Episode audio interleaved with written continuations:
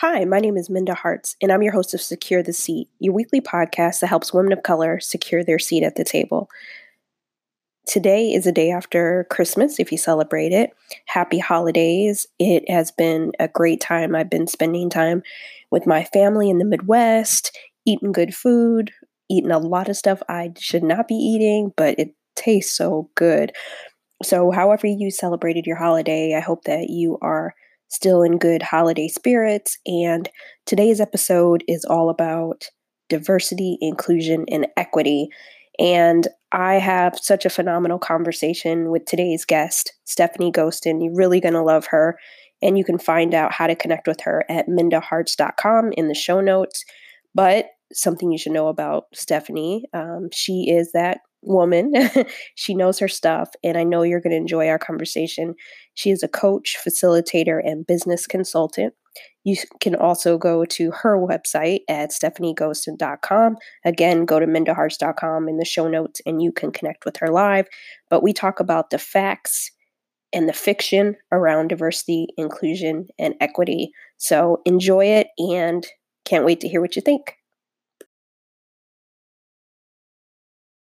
Stephanie, welcome to Secure the Seat. How are you? I'm great. How are you doing? I'm doing good. I'm excited about today's conversation. We're going to talk about the facts and myths around diversity, inclusion, and equity. And when I thought about this conversation, I'm like, I have to have Stephanie on and we have to talk about it. I'm really excited for this conversation too. Thanks for having me. Awesome. Well, before we get into the nitty gritty of it all, tell our listeners a little bit more about you. Sure. Um, uh, my name is Stephanie Ghoston Paul. I am a recovering lawyer, which I always have to say, um, a turned life coach and business consultant. I love working with folks who want to find ordinary ways to live extraordinarily and who want to step more into their power and more of themselves.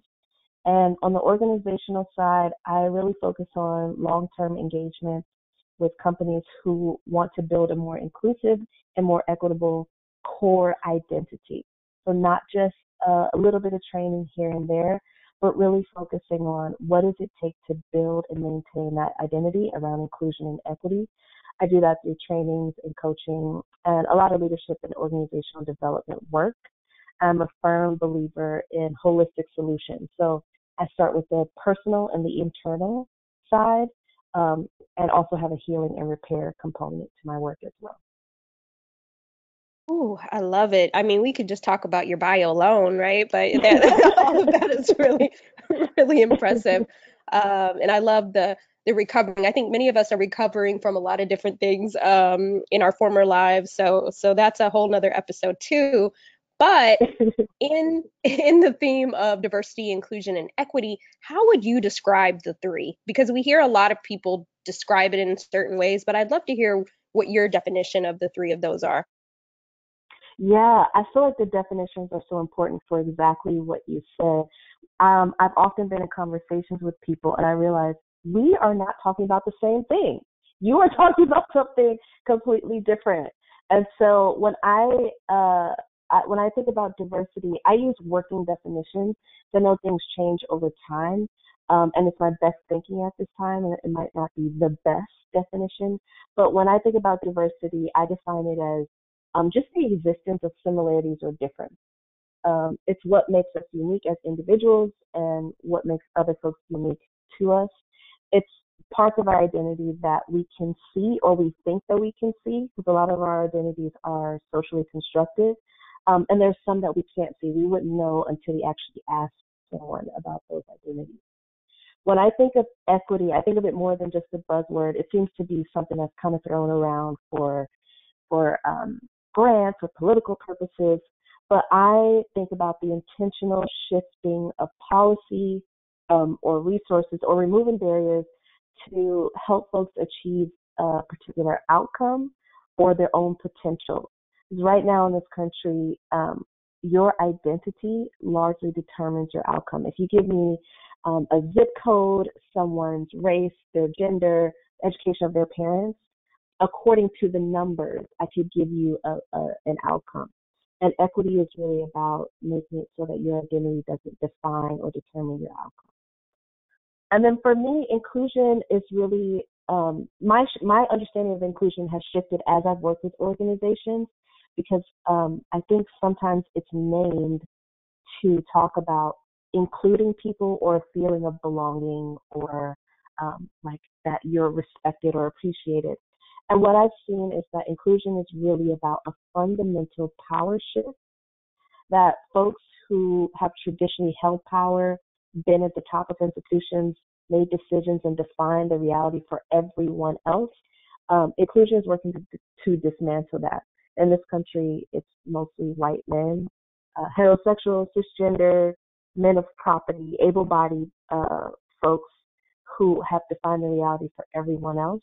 And so when we're talking about inclusion, we're talking about centering and amplifying and giving power to those who are those who haven't been traditionally included.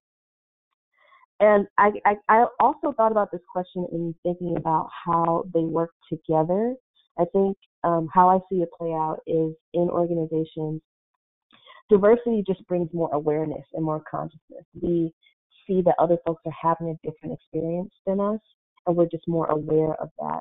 Equity can trigger a resources shift if we see a disparity in our experiences. So if I'm experiencing something um, and you're not, equity would say, hey, we need to shift something to make the outcomes more fair or equal. And then inclusion would be working to center those who are most impacted to solve that for that disparity. So if I'm experiencing the disparity, equity is saying we need to shift resources. Then inclusion would say, Stephanie, you need to be at the center of trying to solve this because you know best.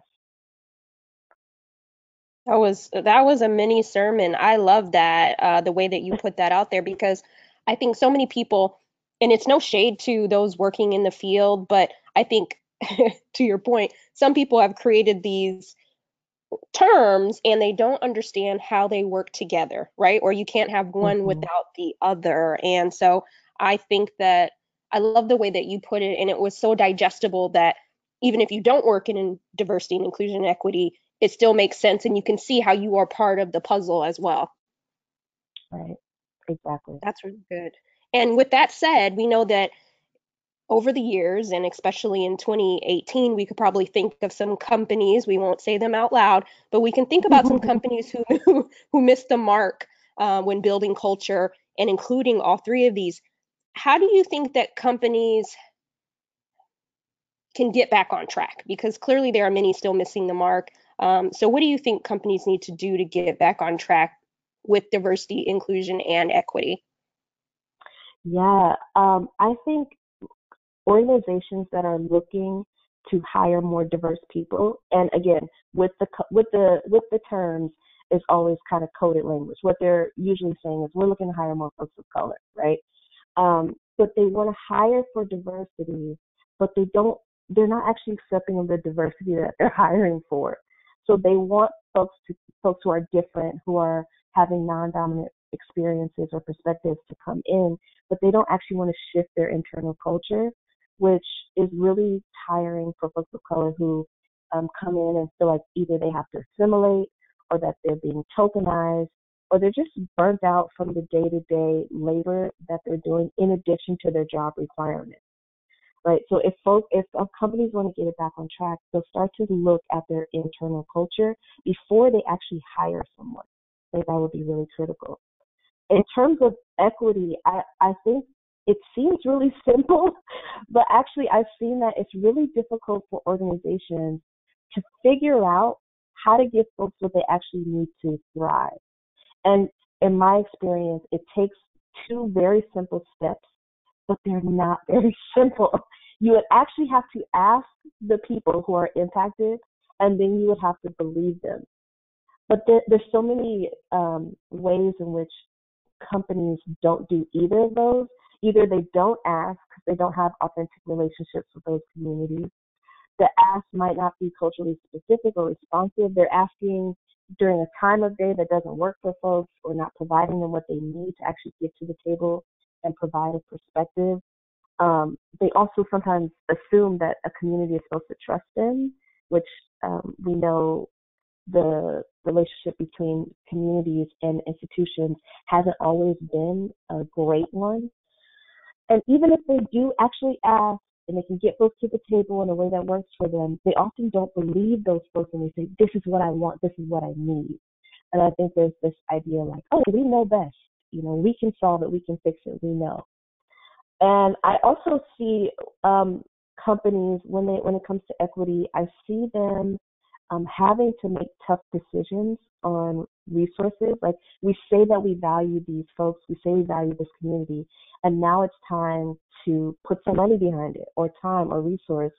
And when they don't have inclusive leadership, that's really hard to hold um, a, an organization accountable to that that value that they say they have. Um, and then with inclusion, I think it's something similar to, to equity in that I think folks are fairly comfortable with the status quo as it is, and inclusion really forces people to be critical about how power is held and, and what is leadership. And leadership might look differently when we're talking about inclusion. So whatever has made folks successful in their career, they might actually have to throw that out the window. They might have to lead from behind or lead silently or facilitate instead of be at the center. And I think um, organizations, organization leadership sometimes struggles with that. Um, I see them also struggle with how to even get folks to the table to get the perspective. So um, I worked with an organization where the leadership team had an open door policy. They said anybody can come in anytime, give us your questions, your concerns, just come in. And they didn't understand that it's harder for some folks, depending on their experiences or their identities, to actually walk through that open door. So, what is the work that is needed before that open door policy, or in addition to that open door policy, to actually get people's perspectives to the forefront? That's really great. I was thinking of a lot of different things as you were talking about that. And one of the main things that stuck out to me is people being in a room making decisions for people they haven't spoken to about issues, right? and it's yeah. like, yeah. if that's not the biggest piece of privilege pie I've ever seen, but we hear that so much of just making decisions instead of, like you said, the simple steps. Um, the emotional intelligent part of us would say why don't you go talk to these people? Find out what underrepresented groups need from you. Don't make decisions on their behalf you know? Uh, i know we got a lot of work to do but it's it i'm optimistic because we have people like you out here doing the work and and that's important you know helping these said companies out so so that's yeah. important uh, absolutely yeah. and oh go ahead I was gonna say, yeah, it seems so simple, but it it literally is a question that I probably get on a weekly basis, which is like, how would we know what they want or need? I'm like, have you talked to them? I'm like, oh, like it is a it's a brand new idea. It just like you said, it's part of the it's partly because of privilege, and it's also just something that they have not done or they don't have the practice of doing. And mm-hmm. it's, it, it's so small, but it it really shifts and changes um, in a major way yes it just baby steps right that they go a long way um, so i hope that in 2019 more conversations will will be had so that was a really great mm-hmm. point.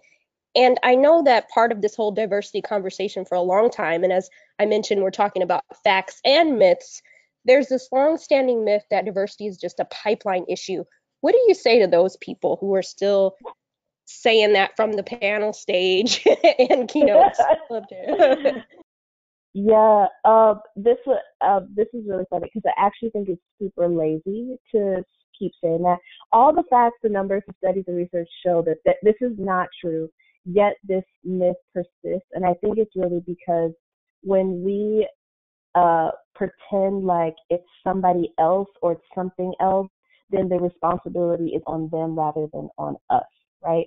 So I, I really think it's a shift in responsibility. What I think is the actual issue is it's a culture and a relationship issue. Um, I saw a really cool meme yesterday, it was about um, planting a seed. And when we plant a seed, if that seed doesn't bud or doesn't bloom into what we want it to be, we don't blame the seed. We we look at the environment, and I feel like that's like a perfect analogy for this myth when I think about it because um, it's really about relationship and culture. So what I see most often is when uh, an organization wants to bring in folks of color, they actually don't have an authentic relationship to the community that they serve or that they want to be a part of their organization, right? It's super transactional. I have a job, I need you. I'm going to show up in your community or I'm going to set up a job there or go to a job there. And it's it's super last minute and it's lazy and people can see right through that. I also see organizations not be very critical about the process and the relationship to candidates throughout the hiring process. So I can't tell you how many job descriptions I've seen that exclude people that would be great candidates just based on their language or their requirements, based on where they post, how many rounds they have people go through, how candidates are evaluated. So there's all these choice points where bias creeps in or where really qualified or great candidates are actually excluded because of how the hiring process is set up and how folks are evaluated. And then I think organizations have to be also critical about their relationship to their internal culture. The culture has to actually be represented. So if you can recruit and if you can hire folks of color, how do you plan on supporting them once they get into their role? Are we setting people up to fail? Are we expecting them to assimilate? How are they going to be dealing with the aggressions? Uh, they're they're they're called microaggressions. I call them aggressions because sometimes they're major, they're not micro. Um, how are you going to be compensating people for or solving for the labor that they're putting in, navigating that dominant culture space? Um, so I don't think we set people up properly and I think the last thing, um, as I just think about the internal culture, I, I've experienced it myself where an organization I was working for wanted to be more diverse and they really overlooked the talent that they already had. And that actually pissed me off too. I'm like, what about me? Um, and I don't think enough organizations are looking and saying, okay, we have an open position, we have this amount of money. Do we want to invest in someone that we already know, that already works here, that is in our community or as part of our stakeholders, how do we get these folks shored up and how do we see leadership in them and potential in them to get them to the next step rather than looking externally. And I think that goes a long way when I was at a company that did invest and, and hired internally and promoted people. The the um, sense of belonging and the um, happiness with the workplace was so much different because I realized they actually valued me for who I was, and often they saw something in me that I didn't see in myself. Um, but if we're not even looking internally, we're missing some of those candidates as well. Yeah, you made so many great points there too that I just want to highlight was a your last one is look and see what talent you have here in your home in your organization and invest in them and retain them and mm-hmm. advance them. That's important. We don't have to go searching. Sometimes we don't have to go searching outside when we can invest in those women of color if we have some or underserved populations. Uh, so I think that's really important, and I think that that's becoming an issue at, at many companies, not seeing what you already have here in that mm-hmm. way and utilizing that. And then I think you created a new department that you might not have known about, relationship and culture. I think that those two, I think that diversity inclusion is, uh, you know, ambassadors, directors, etc., are great. But I also think there's something really to be said about the relationship and culture that may not be embedded in some of those roles. And so I'm just putting it out there. Anybody take take it out there if there's maybe we need to create a new department. I love that. I love that. I actually heard someone say something similar when they were talking about human resources. Like we need to change the language of HR to uh, it can say HR, but it should be human relationships instead of human resources and seeing people as whole people. That's really cool. I love that you just I love it. I'm rolling with it. go with it. Go with it. and as we're talking about women of color in the workplace uh, on Secure the Seat, the facts around diversity, inclusion, and equity, it takes the entire workforce. Like it's not just HR, it's not just senior leadership, mm-hmm. but it's all hands on deck. But in regards to us, what would the future of work look like if women of color had equity? Let's dream big here. yeah, I was so excited when you asked this question because I totally nerd out. I am like my the way that my brain works is that I do have like a lawyer logical side and then I have like a creative side. And one person that I love, love, love that felt really instructive for this question, um, or two people that I love, um, are Adrienne Maree Brown and Walida Imarisha. And they both together, um, they created a compilation of stories um, named Octavia's Brood, um, and it's really paying homage to um, Octavia Butler and the work that she's done. And they both have said multiple times that all organizing is science fiction. And I take that to mean that if if we want to create um, and solve for and create a new world, we're going to have to actually use our imagination.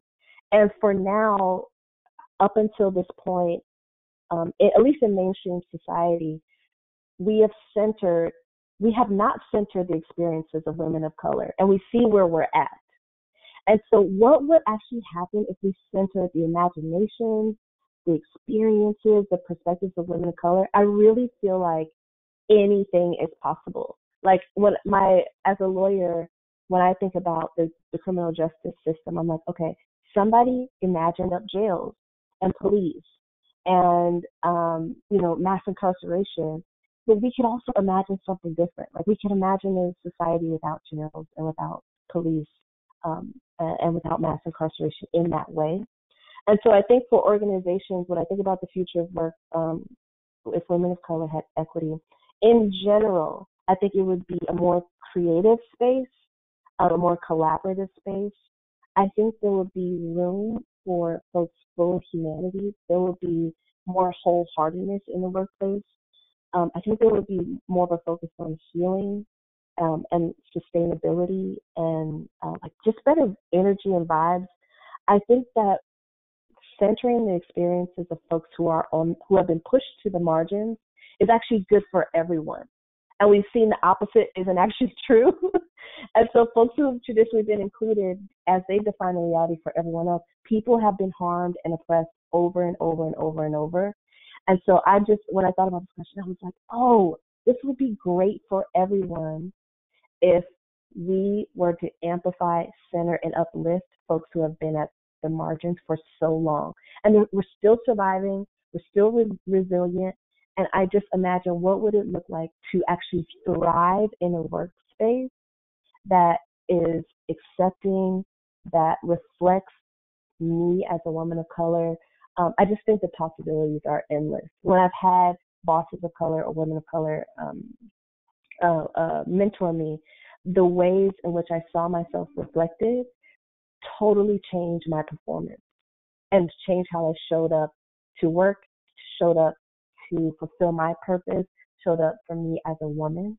Um, and so I, I think that the possibilities are endless. That question gets me really, really excited because I just think there's so much that we haven't tapped into. Uh, I'm excited just I mean, my mind's like going 100 miles per hour because the idea that we've thro- we've quote I put thrive in air quotes, right? We've we've we've survived, not even thrive. We've survived mm-hmm. in the atmospheres that we've been in and we've kicked tail the best that we can, right, under the circumstances. And if we had those chains released to really thrive and fly, oh my God, you know what I mean? what could yeah. we really do? And I, I'm I'm hopeful that the future, the future of work, a lot of people have conversations around that, but I say if you don't include women of color in that ingredient, then you've already failed, right? You know, so it, right. I'm excited. I'm I'm so excited. Uh, whew, that's a whole episode too. Uh, we, we, we definitely have to have further conversations down the line, Stephanie. So thank you for for your expertise. And one final question as we kind of wrap up this whole um, Oreo cookie situation with diversity, mm-hmm. inclusion, and equity. What would be one thing you hope that's included in this conversation as we enter into 2019 shortly? Yeah, I there's two things that immediately came to mind for me. Um, and both of them I spoke about a little bit um, on this on the podcast. One is really around longer term strategies for organizations to disrupt and dismantle the current systems that they operate within. And so I think diversity is like um, sometimes a short-term goal for folks, or equity is a short-term fix. And I want to see organizations talking about some long-term strategies around what does liberation actually look like? What does freedom look like? What does reparations look like? What does autonomy look like? And I think that when we start to examine some of those questions, we start to see the ways in which we might be putting ourselves out of business by answering those questions. So I've been in organizations, um, training with organizations where I say, well, you say you're advocating on behalf of these folks. What would it mean to actually empower them to advocate for themselves? And so I want to see organizations have those deeper um, conversations about um, longer goals in the future. And I also, as I also already mentioned, I also want to see folks really talking about and centering the personal work that has to be done when we're talking about diversity, equity, and inclusion. I think the conversation typically starts with our policies or our programs or our services or even external things, um, how the institution interacts with other institutions. Um, but what we know are is that people are at the center of that, which again seems really simple and understandable and digestible. But people are making those decisions. People are making policies. People are delivering programs and services. And we come with a lifetime of our own biases, our own cultural conditioning, our own experiences around our identities.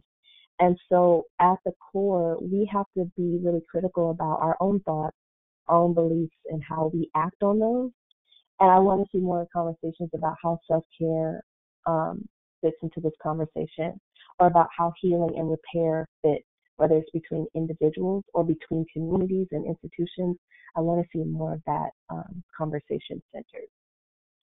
Me too. The, those are definitely things that we need to um, bring up in our conversations and deepen. And so I hope that I get to participate in some of those new conversations um, in 2019 and beyond. So thank you, Stephanie, for your work. I've really enjoyed today's conversation, and I know our listeners have will enjoy it too. How can they connect with you and work with you and support the work that you do? Yeah, you can. I'm on all social media platforms as Cultivated Sense. That's my business. Um, Cultivated Sense on Twitter, on Instagram, and my website is just stephanieghoston.com. Um, if folks can connect with me there or shoot me a quick email, and I'd love to hear more thoughts and comments um, that are sparked from this conversation. Awesome. And I'll make sure that all of your information will be in the show notes at mindaharts.com so people can connect with you. And before we get out of here, I have to hit you with two of my bonus questions before we leave. Mm-hmm. And I am a lover of grits and rap lyrics, and I can't let you get out of here without telling me what is your favorite rap lyric and why. Yes, this is difficult because I have a lot of favorites. Uh, but I I I settled on um Jay Z. I'm a huge Jay Z fan. Um, and there's one that he That's says, the right "I'm not a business." yes, yes. yes. um, I'm not a businessman. I'm a businessman. And to me, it's like the it's like a mindset shift. It's not that um, I am a like I am a singular role or a singular singular title, but my whole life is geared towards this, my purpose, or what I'm supposed to be, what, what I'm here on the earth supposed to be about. Um, and so I really like that lyric. To me, when I heard that, I was like, oh, this is a huge shift.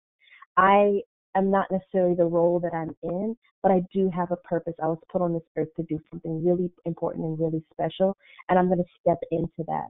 Um, and my whole life's work is about that. I think it also, and I'm just, uh, I this just came to me, my thinking at this right, just right now, is that I think we pretend like the the personal and professional are different, and we in per, quote unquote professional settings we don't allow the personal in, which is a huge myth in and of itself. Like people bring their self, themselves to work even if they're not allowed to, and it just is a reminder of me to me of um, the the conflation of the two. My, my personal is the professional. It's one thing for me. Bars, bars, bars. Yes, I love I love that. Jay he, he has so many life lessons in bars that just fit into a career context, and um, I, I love it so much. And the last question I have for you the podcast is called Secure the Seat. What does that mean to you? Yeah, I love the name, and I think it just reflects the fact that it's some you're working to have folks see that the seat is something that is already there. You don't have you don't have to steal the seat or develop the seat or make up the seat. There's something that's there for you that you need to step into and secure it um, and hold on to. Nobody can take it away from you except you walking away from it or not getting there in the first place. And securing the seat to me also means that there there's someone who has held it down for you and is waiting for you to step in. And as you secure the seat, you're also securing that seat for someone who will come after you. I just love thinking about, um, you know, being my ancestors' wildest dreams and then laying the, the, the pathway for someone else who comes after me. So I, I love the name. I love it, love it, love it. Ah, thank you so much. And you know, it's it's funny from your uh, previous answer about um, Octavia's Brood. If you look at my on my desk right now, no lie, I have that book sitting on my desk oh, from Octavia yes. Butler. Yeah, and so um, it's so funny, but uh, you're right. We are our ancestors' wildest dreams, and as we secure our seat, our sisters that haven't been born yet will benefit from us out here doing the work. And so that's exciting to me. And I am appreciative of the work and how you show up for us in the space. So thank you, Stephanie, for taking time to be with us on Secure the Seat. Thank you so much. I'm honored to be a guest and I just love talking with you. Thanks for having me. All right. Have a great I hope you enjoyed that episode around the facts and fiction of diversity, inclusion, and equity with Stephanie. Make sure you connect with her on her personal website. Again, you can go to mindaharts.com and connect with her.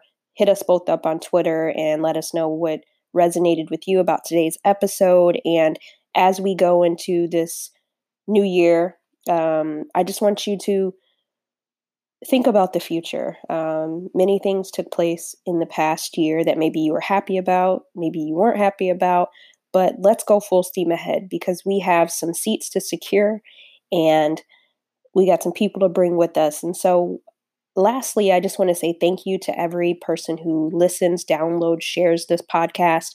Secure the Seat was named one of the top 27 podcasts uh, that are inspirational from 2018. And I can't do that without your support. And so, I started this podcast earlier this year and I wasn't sure if I would be talking to myself or, or what would be the case, but you all have come through in a major way. And I just want to say thank you.